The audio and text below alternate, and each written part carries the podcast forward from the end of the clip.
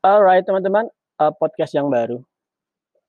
Di YouTube meskipun CMO kami memberitahu Mas Eko kalau rekaman jangan ada backlight. Jadi berkilat. Tapi saya belum sempat ngatur-ngatur, jadi langsung aja ya. Um, di podcast kali ini saya sedang habis mendapat pertanyaan atau dua hal dari dua netizen. Member yang unik adalah member pertama berhasil nembus remote work. Padahal sebenarnya yang daftar bukan dia, tapi suaminya. Oke, yang lolos malah istrinya. Biasanya kenapa Mbak? Kok Masnya nggak ada udah udah daftar toh belum? Tapi kenapa? Uh, karena nggak confident. Um, yang daftar, member yang daftar itu suaminya malah nggak confident, kemudian istrinya coba malah confident dan lolos. Satu ya, satu satu example. Yang kedua, um, member yang sedang bertanya-tanya, calon member insya Allah, uh, bertanya-tanya, Mas kira-kira saya bisa nggak nembus remote work? Soalnya kalau baca status tulisnya Mas Eko, kayaknya setinggi langit. Oke, okay.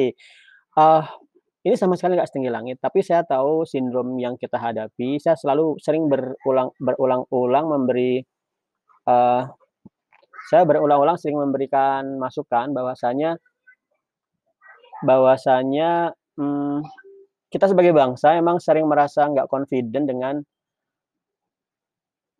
dengan diri kita sendiri, dengan bangsa kita sendiri. Jadi misalnya dengar kata-kata kerja ke perusahaan luar negeri, bergaji dolar, atau atau lagi sampai kata-kata tanpa perlu ijazah, bisa nembus remote work, kemudian kompetisi dengan banyak developer atau desainer atau apa pun content writer dari seluruh dunia, itu rasanya mungkin nggak ya gitu kan, rasanya kayaknya kok jauh banget. Apalagi misalnya kita seperti kemarin Mas Eral dan saya juga orang kampung, apalagi saya orang kampung, misalnya kayak gitu.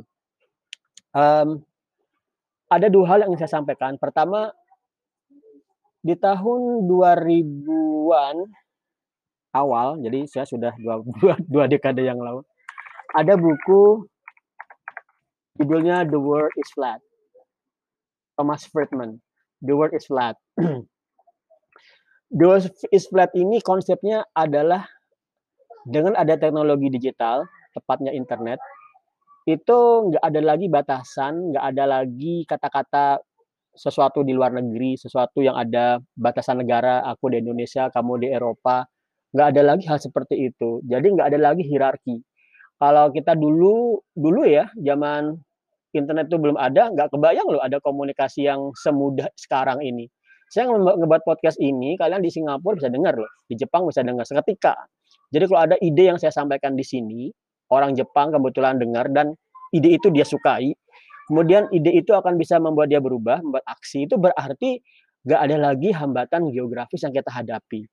Jadi the world tuh benar-benar rata. Gak ada lagi barrier, gak ada lagi penghalang, kecuali negaranya mensensor internet seperti Korea Utara ya, atau mungkin juga Iran, nah itu lain masalah. Nah, tapi secara umum negara dunia itu sudah rata dan dunia itu sudah nggak seperti dulu bang nenek moyang kita membayangkan yaitu kalau kamu mau kerja ke luar negeri kamu harus ijazahnya bagus bahasa Inggris mau harus sempurna kamu harus pindah ke sana. Enggak itu dulu banget. Dulu kita kalau membayangkan membayangkan dapat gaji dolar kita harus jadi TKI pindah ke sana. Kita nggak seperti itu sekarang. Kita itu sekarang uh, the world is flat. Itu artinya kamu harus benar-benar confident dan harus benar-benar ngerasa biasa aja kalau nembus pekerjaan luar negeri. Kenapa? Ya karena memang biasa aja tinggalkan paradigma-paradigma lama bahwasanya kita negara terbelakang, negara dunia ketiga misalnya ya, uh, bahwasanya kita itu negara bangsa bekas dijajah sehingga kita uh, layak untuk bekerja di bawah orang-orang lain. Enggak, kita benar-benar kita benar-benar sejajar dan bahkan lebih tinggi dari banyak negara di dunia ini. Nah, karena itu saya memberikan masukan kepada Mas uh, yang tadi bertanya, yaitu kata-kata status Mas kok sering setinggi langit uh, kedengarannya seperti itu. Ya, misalnya kita saya mengatakan kerja ke luar negeri ya. Itu kan secara konsep cuman saya buka internet. Bukan berarti saya membuat paspor dan segala macam ya, kerja ke luar negeri ya. Kemudian dengan pengaruh bahasa gimana Mas? Nggak penting. Bahasa itu bahkan ya orang-orang Eropa nggak semuanya pintar bahasa Inggris loh ya. Saya sering banget dapat uh, chat dan video dari temen yang orang Spain, Spanyol, dia nggak bisa bahasa Inggris sama sekali dan akhirnya dia butuh penerjemah akhirnya ya ya udah dengan bahasa Spanyol kemudian saya bahasa Inggris dan kita berarti artinya saya saya saya sebagai developer Indonesia lokal berarti sudah bisa compete ke sana. Kalian juga bisa. Kemudian kalau kalian bertanya, "Tapi kan Mas Eko udah lama." Iya, saya udah lama. Awalnya juga gitu. Awalnya juga babi bu. Awalnya kalau mau ngomong bahasa Inggris juga nggak confident dan lain sebagainya. Sering mikir lama, akhirnya menggunakan kata-kata yang salah. Itu nggak apa-apa. Nah, yang harus saya sampaikan adalah coba dulu aja. Coba dulu aja nembus remote work, nothing tulus, ya kan? Uh, nothing tulus. Bahkan kalau uh, kita mikir secara finansial, secara pikir finansial, remote worker ID itu uh, sangat terjangkau lah ya. Saya kami nggak akan meminta pendaftaran kalian sampai belasan juta atau sampai setengah dari 10 juta yaitu 5 juta, 6 juta, kita nggak akan sampai seperti itu. Kalian bisa benar-benar bergabung di angka 500 ribu. Kalian bisa mencicil bertahap. Nah, itu secara finansial. Jadi secara, secara finansial kalian nggak akan rugi. Kenapa? Karena kalian langsung bergabung dengan komunitas. Dan komunitas ini growing terus dan langsung sering membagi-bagi job. Jadi kalau kalau kalian cuma invest pendidikan itu investasi ya. Kalau kalian investnya satu setengah juta, itu sekali job udah lewat dah. Sekali job satu minggu udah lewat. Oke, apalagi kalau kalian membayar bertahap, jadi lebih ringan lagi. Nah, nothing tulus sehingga kalau kamu nanti coba nembus remote work, nggak usah takut. Uh, paling banter kamu diterima.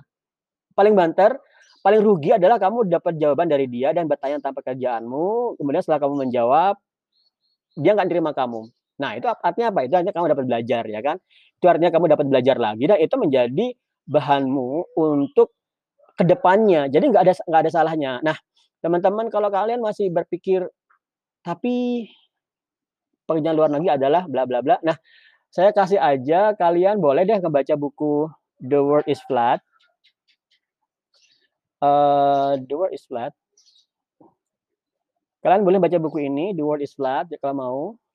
Di, ini kita memberi uh, buku ini benar-benar apa ya, benar-benar inspiring dan membuat saya confident banget dengan bangsa Indonesia bahwasanya kita itu bisa compete ke mereka. Kenapa? Karena dunia sudah rata, nggak ada lagi hierarki. Uh, kalau kamu sekarang misalnya mau dapat pekerjaan dari Apple, Google, Microsoft, udah nggak ada hierarki lagi, nggak ada harus dari bawah, dari intern dan lain sebagainya. Asal kamu bisa dinotis mereka, dilihat mereka, portofolio onlinemu di internet, udah kamu langsung ke atas, hilat dunia sudah rata banget, sudah seperti itu, sudah nggak ada lagi barrier.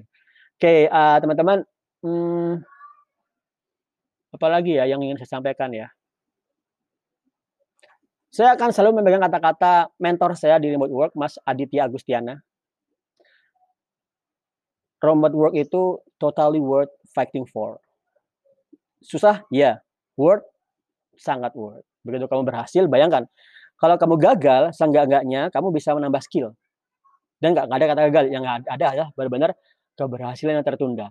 Kalau kamu sukses yaitu dapat menembus remote work kamu bisa resign dari pekerjaan antifahmu kamu bisa tinggal di kampungmu menjawab merawat orang tua kamu bisa dekat dengan anak istrimu di masa depan kalau kamu belum menikah kamu bisa mendapat finansial yang lebih bagus karena dolar itu satu dolarnya 14 ribu.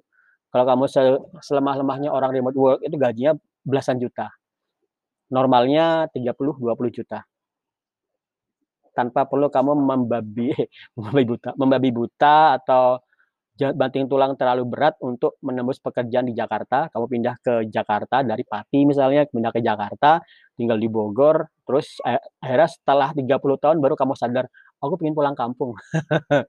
atau kamu mikirnya ya udah nggak apa yang penting aku atau aku ingin kebebasan lebih dari kebebasan dari 9 to 5 ya udah aku nunggu pensiun kalau pensiun usia 55 tahun dengkulmu udah capek udah nggak udah nggak menikmati um, masa muda udah lewat finansial udah lewat kemudian kesehatan udah hilang oke okay. um, right remote work totally worth fighting for. Oh guys, keep you up in the next podcast.